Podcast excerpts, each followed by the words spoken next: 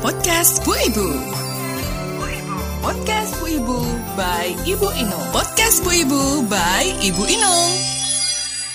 Hai, Assalamualaikum. Apa kabar Bu Ibu? Mudah-mudahan selalu sehat dan gembira ya.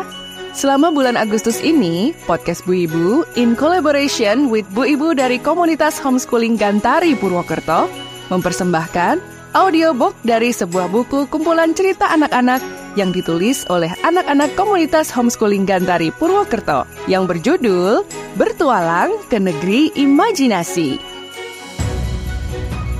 Cerita-cerita karya anak-anak ini akan disuarakan oleh ibu masing-masing sebagai salah satu upaya membantu teman-teman dan anak-anak netra untuk dapat menikmati karya-karya anak hebat ini.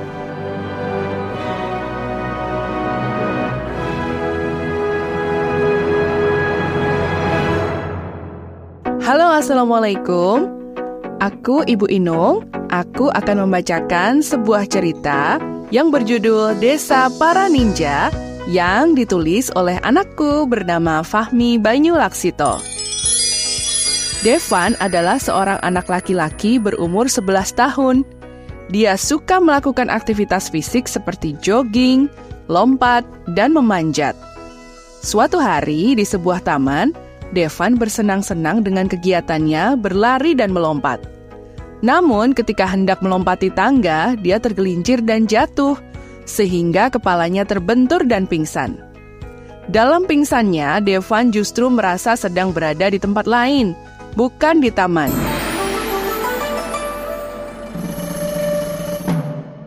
Di depannya, dia melihat sebuah desa berbukit-bukit dengan latar belakang gunung yang tinggi. Orang-orang di situ terlihat sedang melakukan aktivitas yang tidak lazim. Tiba-tiba, di depannya berdiri seorang pemuda kira-kira berumur 20 tahun, berpakaian serba hitam, menutupi sebagian wajahnya dengan penutup muka sehingga hanya terlihat matanya saja. Dia memakai penutup kepala berbentuk caping. Devan terkejut. Ingin sekali dia berlari, tapi dia juga penasaran siapa itu dan di mana dia berada. Ternyata pemuda itu adalah seorang ninja. Ninja itu membuka penutup mukanya lalu tersenyum pada Devan, membuat Devan tidak takut menghadapinya. Ninja itu lalu berkata, Namaku Takeshi. Kamu saat ini ada di desa para ninja. Perkataan itu seolah menjadi jawaban atas rasa penasaran Devan. Takeshi meyakinkan Devan agar tidak perlu takut dan mengatakan bahwa Devan akan aman di desa tersebut. Takeshi lalu mengajak Devan berkeliling desa itu. Desa itu ternyata memiliki warga yang hampir seluruhnya adalah ninja. Devan melihat anak-anak seusianya berlatih menjadi ninja, berlatih fisik seperti yang dia lakukan, yaitu lari dan lompat. Devan senang sekali. Takeshi kemudian memperlihatkan para ninja dewasa berlatih dengan senjata, antara lain shuriken, nunchaku, dan katana. Devan takjub melihat kelihayan tangan para ninja itu. Devan juga sangat kagum dengan para ninja yang berlatih tanding dengan tangan kosong. Kecepatan gerak tangan dan kaki mereka dalam melancarkan tangkisan, pukulan, tendangan, dan gerakan memanipulasi lawan ditampilkan dengan sangat teliti. Devan yang selalu suka dengan aktivitas fisik, lalu berkeinginan untuk bisa menguasai gerakan bela diri. Dia lalu bertanya pada Takeshi, "Apa aku bisa belajar itu semua? Apakah kau akan mengajariku?" Takeshi tersenyum dan mengangguk. Dibawanya Devan ke sebuah aula luas, lalu diajarinya berbagai gerakan bela diri untuk pemula. Devan dengan mudah mengikuti gerakan yang dicontohkan oleh Takeshi. Tak terasa sudah satu jam mereka berlatih. Devan lelah dan haus. Takeshi kemudian mengajaknya ke sebuah sumur tua di dekat aula itu. Takeshi mengambil air dari dalam sumur itu, lalu menuangkannya ke dalam mangkok kayu untuk Devan.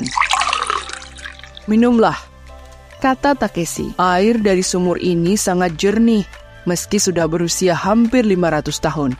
Dan rasanya sangat menyegarkan. Semua ninja yang berlatih di aula ini meminum air dari sumur ini untuk mengembalikan stamina mereka sehingga tidak kelelahan lagi. Bahkan, bisa menyembuhkan rasa pegal dan nyeri akibat pukulan dan tendangan. Devan lalu meminumnya. Seteguk, dua teguk, tiga teguk. Ah, segarnya.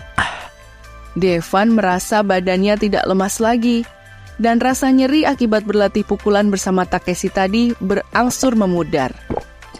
Devan lalu meneguk airnya lagi, lagi, lagi, dan lagi.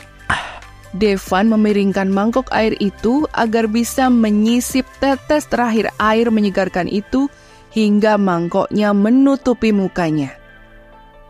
Devon memejamkan matanya karena saking segarnya air itu. Saat tetes terakhir itu habis, dia membuka matanya. Tapi bukan Takeshi yang dilihatnya, melainkan ibu dan ayahnya yang cemas, tapi juga lega karena Devan telah siuman. Devan melihat sekeliling. Ternyata dia berada di rumah sakit. Devan tersenyum, mengingat petualangannya bertemu dan berlatih dengan ninja baik hati bernama Takeshi di desa para ninja. Terima kasih telah menyimak cerita hebat karya anak hebat. Nantikan cerita lainnya di episode berikutnya.